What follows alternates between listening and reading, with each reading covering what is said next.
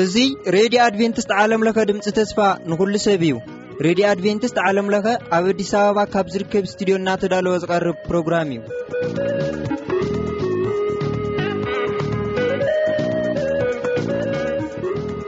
በብዘለኹም ምዃንኩም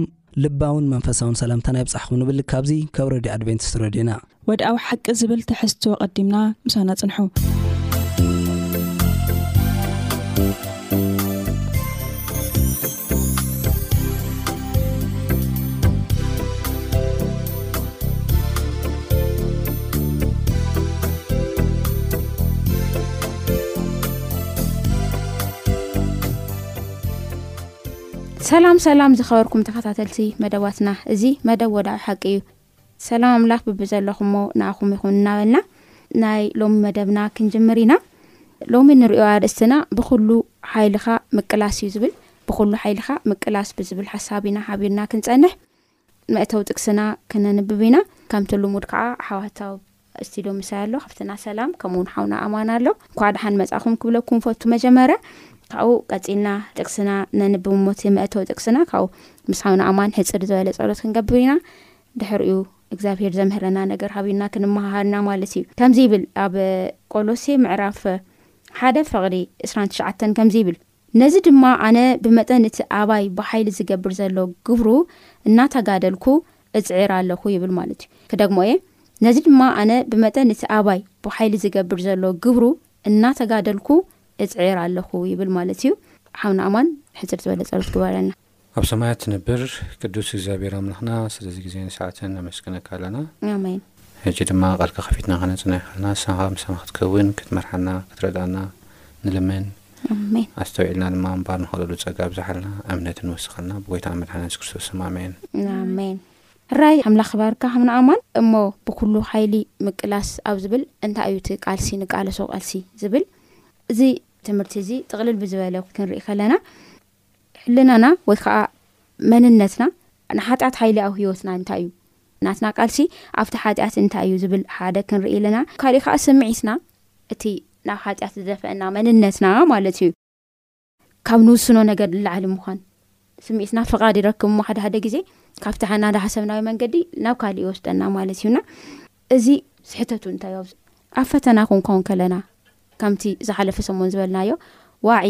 ከቢድ ዝኾነ ፈተና ክንሓልፍ ከለና ግን ተስፋ ከይቆረጽና ጸኒዕና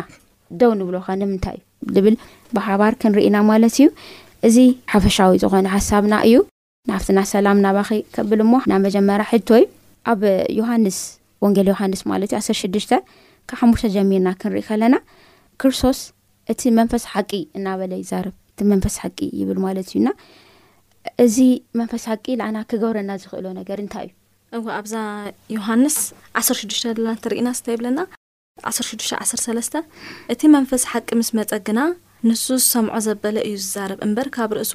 ኣይዛረብን እዩ እሞ ንሱ ነቲ ዝመጽእ ከፍልጠኩም ናብ ኩሉ ሓቂ ውን ክመርሓኩም እዩ ይብለና ስለዚ እቲ መንፈስ ኣምላኽ ናይ መንፈስ ኣምላኽ ስራሕ እዩ ዝነግረና ዘሎ ኣብዚ ንሱ ክፉኡን ጽቡቕን የፍልጥ ምዃኑ ማለት እዩ ናብቲ ጽቡቕ ነገር ከኣ ይመርሓና ምዃኑ እዩ ዝነግረና ማለት ስለዚ እቲ መንፈስ ኣምላኽ ስርሑ እዚ እዩ ምምራሕ ናብቲ ቅኑዕ ዘበለ መገዲ የርእየና ማለት እዩ። ስለዚ ሓሓደ ግዜ ስለዚ ሓደ ሓደ ግዜ ክንልወጥ ንደሊ ኢና ንብል ዘይከውን ባህሪና ተሎ ከኣ ክቕየረልና ክዕረየልና ንደሊ ኢና ንብል ግን ተራእካዮ ባህሪና ዘይዕረየሉ ኣሎ ሓደ ሓደ ግዜ ማለት እዩ። ሕጂ ኣብዚ እንታይ እዩ ዘድልየና እቲ ቅኑዕ ዘበለ ነገር ፈሊጥናዮ ኣለና ሕጂ እንታይ የድሊ ካባና ዝደልዮ እግዚኣብሄር ክንትስእ ከም ዘለና ንሕና ከኣ ክንሰርሕ ከም ዘለና ብምሉእ ልብና ከኣ ፍቃድ ክንህቦ ከም ዘለና ንኣምላኽ ንኽሰርሓና ማለት እዩ ስለዚ ሽዑ ከኣ ምስ ወሰና ንሕና ምስ ወሰና ናይ እግዚኣብሔር ጸጋ ከኣ ኣብቲ ጉዕዞና ይድግፈና ምዃኑ ስለዚ ብኾፍና ዘይኮነ ሓጢኣትና ክእለየና ወይ ከኣ ክፉእ ዝኾነ ባህሪ ኣባና ዘሎ ክእለየልና ንሓትት ብኾፍና ዘይኮነ ግን ንሕና ከኣ ክንትስእ ከም ዘለና ክንውስን ከም ዘለና ማለት የርእየና ኣብኡ ከኣ ሽዑ ደገፍ ኣምላኽ ጸጋ ኣምላኽ ከኣ ይዓዝዝ ማለት እዩ ስለዚ እዚ ነገር እዚ ኢና ንርኢ እቲ ናይ መንፈስ ኣምላኽ ስራሕ እዚ ምዃኑ እምበር መንፈስ ኣምላኽ ሕጂ ቅኑዕ ዘበለ ይመርሕ ኢልና ኣሎ ምሽ ስለዚ ባዕሉ ይልውጥ ኣይኮነን እቲ ሓጢኣትና የጥፍእ ኣይኮነን ምክንያቱ ናይ ሰይጣን እውን ተርእኻዮ ሰይጣንን መላእኽቱን ክወድቁ ከለውሲ ነፃ ፍቓድ ነይርዎም እዩ ከም ድላዮም ክውስኑ ይኽእሉ ነይሮም እዮም። እግዚኣብሄር ኣብ ልቦም ኣትዩ ኖእ እዚ ክትውስኑ የብልኩምን ኢሉ ኣይገደዶምን። እቲ ሓቂ ነገር የፍልጦም ነይሩ ይነግሮም ነይሩ ግን ኣብ ውሳነኦም ኣይኣተወን ማለት እዩ። ስለዚ እግዚኣብሄር ናይ ነጻነት ኣምላኽ እዩ ማለት እዩ። ናይ ኣዳምን ሄዋንን እንተርኢና እውን ከምኡ ዓይነት ታሪኽ ተመሳሳሊ እዩ ማለት እዩ። እቲ ቅኑዕ ነገር ኣፍሊጥዎም መሪሕዎም ግን ብውሳነኦም ብምርጫኦም ካብኡ ክእለዩ ምስ ወሰኑ ምስ ወደቑ ንርኢ ማለት እዩ ንሕና ከ ከምኡ እዩ እቲ ህይወትና ማለት እዩ ኣምላኽ ትቕኑዕ ዘበለ ነገር ይምህረና ይነግረና የፍልጠና ማለት እዩ ስለዚ ወላ ቕኑዕ ይደሊ እየ ክንብል ከለና ከዓ ደገፉ ከዓ ኣሎ ይድግፈና እዩ በቲ መንፈሱ ገይሩ ይመርሓና መሊሱ ሓይሊ ይህበና እዩ ማለት እዩ ፀጋ ይዓዘልና ግን ከምዚ እዩ ትኽክል ክብለና ከሎ ኖ ኢልና ብካልእ መገዲ ክንከይድ ከለና ኣምላኽ ኣብዚ ኣገዲዱ ኣብ ሂወትና ኣትዩ ኣይውስንን እዩ ማለት እዩ ስለዚ እዚ ነገር እዚ ንኣምላኽሲ ናይ ምርጫ ኣምላኽ ምዃኑ፣ መንፈስ ኣምላኽ ከኣ ሓቂ ዝኾነ ነገር ይመርሕ ምዃኑ ኢና ንርኢ ማለት እዩ። እግዚኣብሔር ይመስገን እግዚኣብሔር ይባርኪ ስለዚ መንፈስ ቅዱስ እንታይ ይገብር እቲ ናይ ሓቂ መንፈስ ምስ መፀሲ ናብ ሓቂ ኩሉ ክመርሐኩም ይብለና ወዳ እዚ ኣብ ወንጌል ዮሃንስ ስራዕናዮ ማለት እዩና እዚ መንፈስ ቅዱስ እዚ ብዛዕባ እግዚኣብሔር ይነግረና ከምኡ ከዓ ብዛዕባ ሓጢኣት ከዓ ይነግረና ማለት እዩ ክልቲኡ ይነግረና እምበር ምንም ኣባና ውሳኔ ክገብር ኣይክእል ስለዚ ኣና ክንቃለስ ከም ዘለና ማለት እዩ ዝነግረና እቲ መጀመርያ ዝረኣናዮ ኣብ መጀመርያ ሓሳብና እንታይ ኢልና እቲ ብኩሉ ሓይልካ እንታይ ግበር ተቃለስ ማለት ሓጢኣት ክሰዓር እንተኮይኑ እንታይ ትገብር ኒካ ክትቃለስ ኣለካ እዚ እዩ ዝነግረና ማለት እዩና መንፈስ ቅዱስ ኩሉ ያርእሞ ዋይ እዚ ኣነ ያርእካ ኒኹ እሞ ኣነ ከምቲ ዘረኣኹካ መሰረት ሲ ብመሰረት ዘረኣኹካ ነገር ሲ እንታይ ካ ገርካ እንታይ ካ ለውጢ ኣምፅካ ኢሉ ይሓተና እዩና እዚ ናይ መንፈስ ቅዱስ ስራሕ ምዃኑ ምውሳን ከኣ ናትና ከም ዝኾነ እዩ። እግዚኣብሄር ይመስገን። ናብ ዝቅጽል ሓሳብ ክኸድ እሞ ኣማን ሓወይ ሕዚ ኣብ ቆሎሴ ኣንቶ ኣንቢበ ኔረ ኣብ መእተዊ ማለት እዩ ሓደ ዕስራን ሸሞንተን ማለት እዩ ዕስራን ትሽዓተን እየ ኣንቢበ ዕስራን ሸሞንተን ወሲኽና ክንርኢ ከለና እግዚኣብሄር ምሳይ ይሰርሕ ይብል ጳውሎስ ማለት እዩ ክርስቶስ ምስኡ ሓቢሩ ይሰርሕ ኣሎ ከም ዝኾነ ይነግረና እዩ ግን ካብ በዓሉ እውን ከም ሰብ ከም ባዓልና ክንትግብሮ ዘለና ነገር ውን የርእየና እዩ እሞ እንታይ እዩ እግዚኣብሄር እናሰርሐ ሓና ክንገብሮ ዝግበኣና ነገር እንታይ እዩ? ብጣዕሚ ደስ ዝብል እዚ ሓሳብ እዚ ዝርከብ ኣብ ቆላሳስ ምዕራፍ ሓደ ፍቅዲ ዕስራን ሸሞንተን ክሳብ ዕስራን ትሽዓተን ዘሎ እዩ እሞ እዚ ብዛዕባ ዕዮ ጳውሎስ ዝዛረብ እዩ እዚ ጥቅሲ እዚ ብርግጽ ብዛዕባ ዕዮ ከምቲ ቅድም ኢልክን ዝበልክንኦ ሓደ ሰብ ፅቡቕ ነገር ዝረክብ ወይ ድማ ዝዕወት ወይ ድማ ኣብ ሂወቱ ስክዒት ዝረክብ ስኢሉ ኣይኮነን ብዕድል ወይ ብቤተሰብ ገለ ኣይኮነን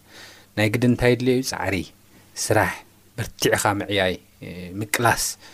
የድልዮ እዩ ንሓደ ነገር ክትዕወት እንተ እዚ ደይ ተቓሊስካ ብፍጹም ክትዕወት እንተ ደይ ፅዒርካ ክትዕወት ኣይትኽእልን ኢኻ እሞ ንዓና ከዓ ካብ ኣምላኽ ዝተዋሃበና ተልእኾ ኣሎ እሞ እዚ ተልእኾ እዚ ናብ ሽትኡ ንምብፃሕ ክንፅዕር ኣለና እዩ ጳውሎስ እምበኣር እዚ ምሽን እዚ እዚ ተልእኾ እዚ ካብ ኣምላኽ ዝተዋህበን ተልእኾ ኣሎ ኢሉ ዝሓሰቦ ነገር ክቃለስ ከሎ ኢና ንርኢ በይኑ ክቃለስ ከሎ ኣይንርኢና ምስ ኣምላኽ ክቃለስ ከሎ ኢና ንርኢ ቁፅሪ 28 ቆላሳስ ምዕራፍ 1 ፍቕዲ 28 ክሳብ 29 ንሕና ድማ ኢሉ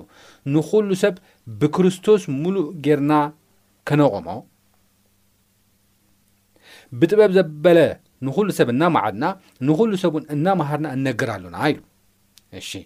ነዚ ድማ ይብል ቁፅሪ 29 ኣነ ብመጠንታ ኣባይ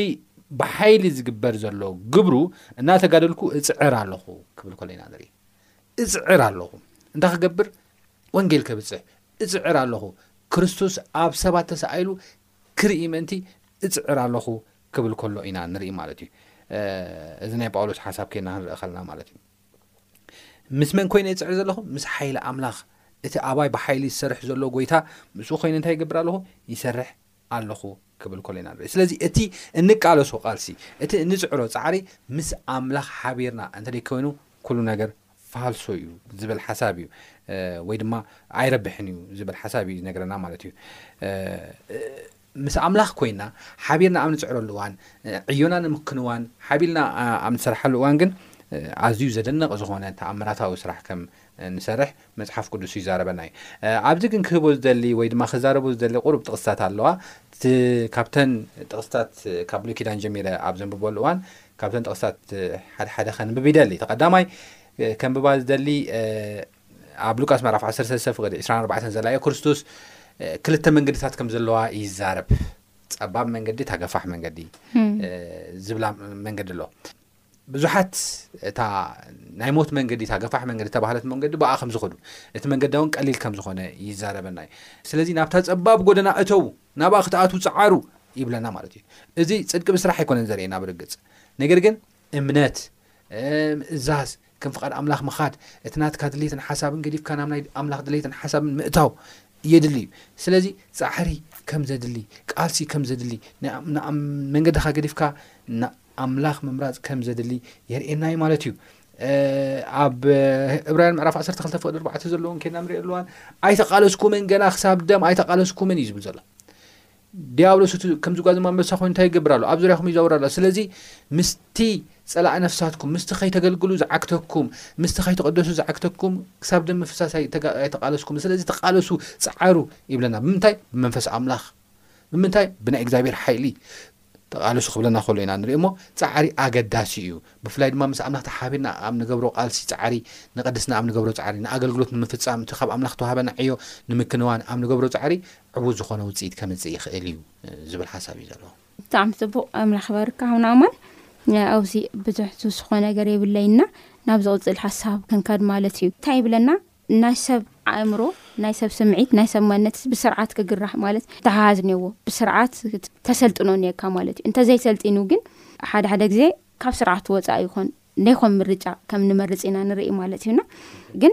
ብመዓልቲ ህይወትና እንታይ እዩ ብምርጫ ዝተመስረተ እዩወዶ እዚ ክበልዕ እየ፣ እዚ ክሰርሕ እየ፣ እዚ ክገብር እየ፣ እዚ ከልዕል እየ፣ እዚ በቃ ብምርጫ ጌርና ኢና ህይወትና ንመርሕ ማለት እዩ እና ሓደ ሓደ ግዜ ግን መጽሓፍ ቅዱስና ሓደ ኣብነታት ይነግረና መጽሓፍ ቅዱስና ዝነግሮም ኣብነታት ከዓ ምርጫኦም እንታይ ኮይኑ ጌጋ ኮይኑ ምርጫኦም ጌጋ ብምዃን ከዓ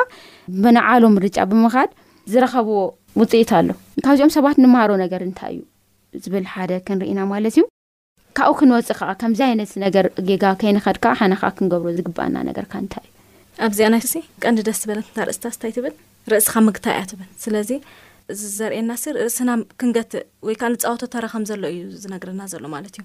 ኣብ ቀዳማይ ጴጥሮስ ሓደ ዓሰርተ ሰለስተ ተርእና እንታይ ይብለና? ስለዚ ሓቓቑ ልብኹም ተዓጢቕኩም እናተጠንቀቕኩም ነቲ ንምግሃድ የሱስ ክርስቶስ እትረኽብዎ ጸጋ ሙሉእ ተስፋ ግበሩ ይብለና ስለዚ ሓቓቑ ልብኹም ተዓጢቕኩም እናተጠንቀቕኩም ይብለና ስለዚ ክንመላለስ ከለና ኣብዚ ምድርስ ክንጥንቀቕ ከም ዘለና እዩ ዝነግረና ዘሎ ማለት እዩ ኣንቶይ ቹቹ ሓፍተይ ገሊጽኪ ነርኪ ብዛዕባ ብስምዒት ብስምዒት ምምልላስን ብርድኢት ምምልላስን ክልቲኡ በበይኑ ዝኾነ ሓሳብ እዩ ዘለዎ ብርድኢት ክንብል ከለና በቲ ቃል ኣምላኽ ዝተረዳኣና መጠን ወይ ከዓ በቲ እግዚኣብሔር ኣብ ልብና ዘቐመጦ ነገር መርሚርና ውጽኢት ናይቲ ንገብሮ ዘለና ውጽኢቱ እንታይ እዩ ሓሲብና ክንገብር ከለና ብርድኢት ምምልላስ ኢና ንብሎ። ብስምዒት ክንብል ከለና ግን ልብና ክንሰምዕ ከለና ማለት እዩ። እቲ ዝስመዓና ዘሎ ነገር ብድሕሪኡ ዘሎ እቲ ናቱ ሳዕቤን፣ ኮንሲኬንስ፣ ከይፈለጥና ክንመላለስ ከለና ግን ናቱ ውጽኢት ከም ዘለዎ ኢና ንርኢ ማለት እዩ። ስለዚ ልዕሊ ኩሉ ነገር ልብኻ ሓልዎ ይብለና ኣብ ኤርምያስ ዓሰርተ ሸውዓተ ትሽዓተ ተርእይናሲ ከንብባ እታ ጥቕሲ። ኤርምያስ ዓሰርተ ሸውዓተ ትሽዓተ እንታይ ይብለና? ልቢ ካብ ኩሉ ጎራሕን ኣዝዩ ሕሱምን እዩ፣ መንከ የስተውዕሎ? ይብለና። ስለዚ ብልብናሲ ክንእመን ከም ዘይብልና፣ ልብናስ ከደናግረና ከም ዝኽእል ወይ ከኣ ስምዒትናስ ከም ዘደናግረና እዩ ዘርእየና ማለት እዩ። ኣብ መጽሓፍ ቅዱስ እተን ዓበይቲ ዛንታታት ንረኽበን ቀዳመይቲ ኣብ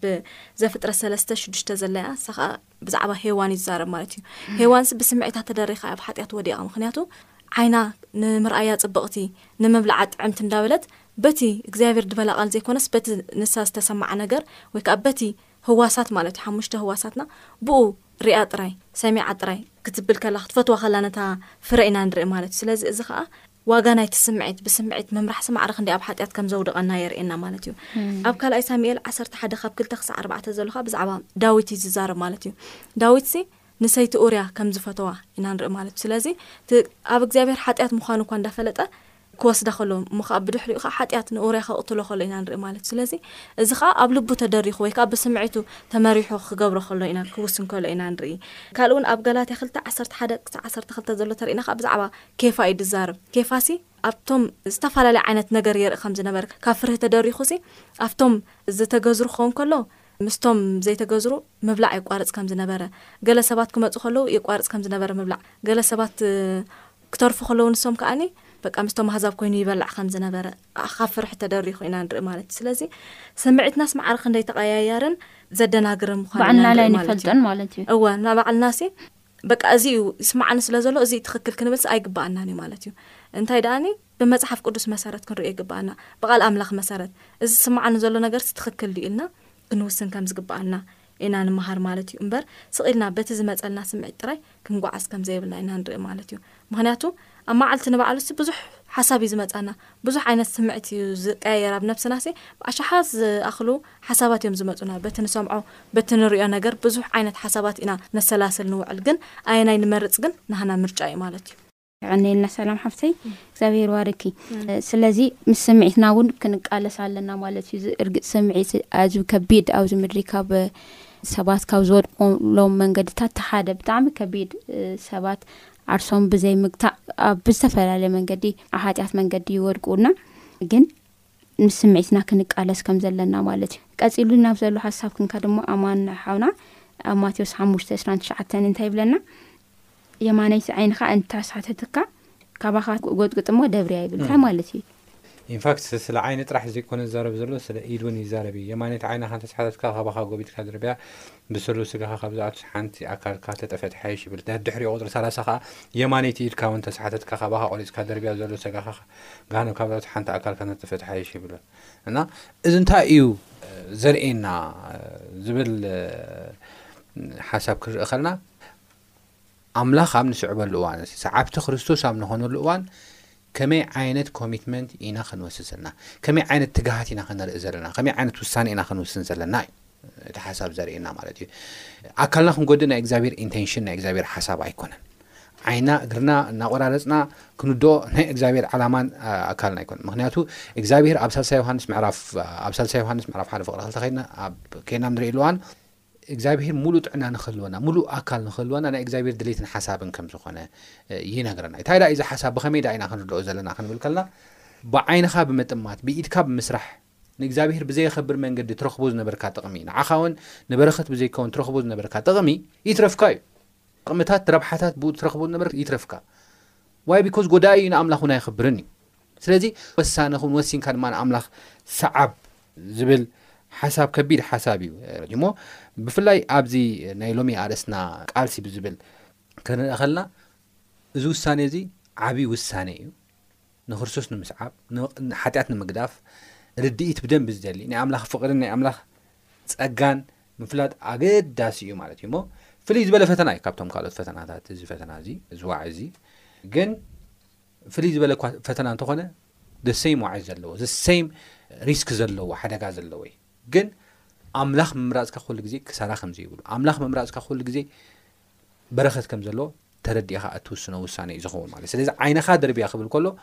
ቆሪጽካ ደርብያን ብዘሎ ገሃነም ካብ ትኣቱ በታ ዓይንኻ ትሪኣ ሴክቹዋሊ ንኣብነት ሓንቲ ሰበይቲ ሴክቹዋሊ ኢኻ ጾታዊ ርክብ ምስኣ ምፍጻም ተመኒኻ ናብ ሓጢኣት ኩሉ ግዜ ተኣትቶ ኮንካ ይትረፍካ እዚ ነገር እዚ እዩ በቃ ይትረፍካ ዓይንኻ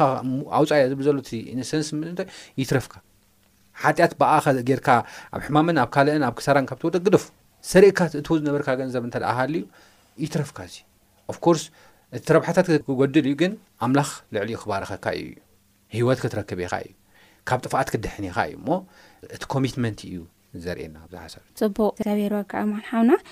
ናይ መወዳእታ ሓሳብ ክንመጽ እሞ ኣብ ሓፈሻ ናይ ሎሚ ሓሳብና መጠቕለሊ ዝኾነና ሓሳብ ክንጅምር ከለና እንታይ ኢልና ኣርእስትና ብኩሉ ሓይልኻ እንታይ ግበር ምቅላስ እዩ ዝብል። ብኩሉ ሓይልና ክንቃለስ ከለና ከኣ ኣብ ቃልሲ ጽንዓት የድልይዎ ዶ?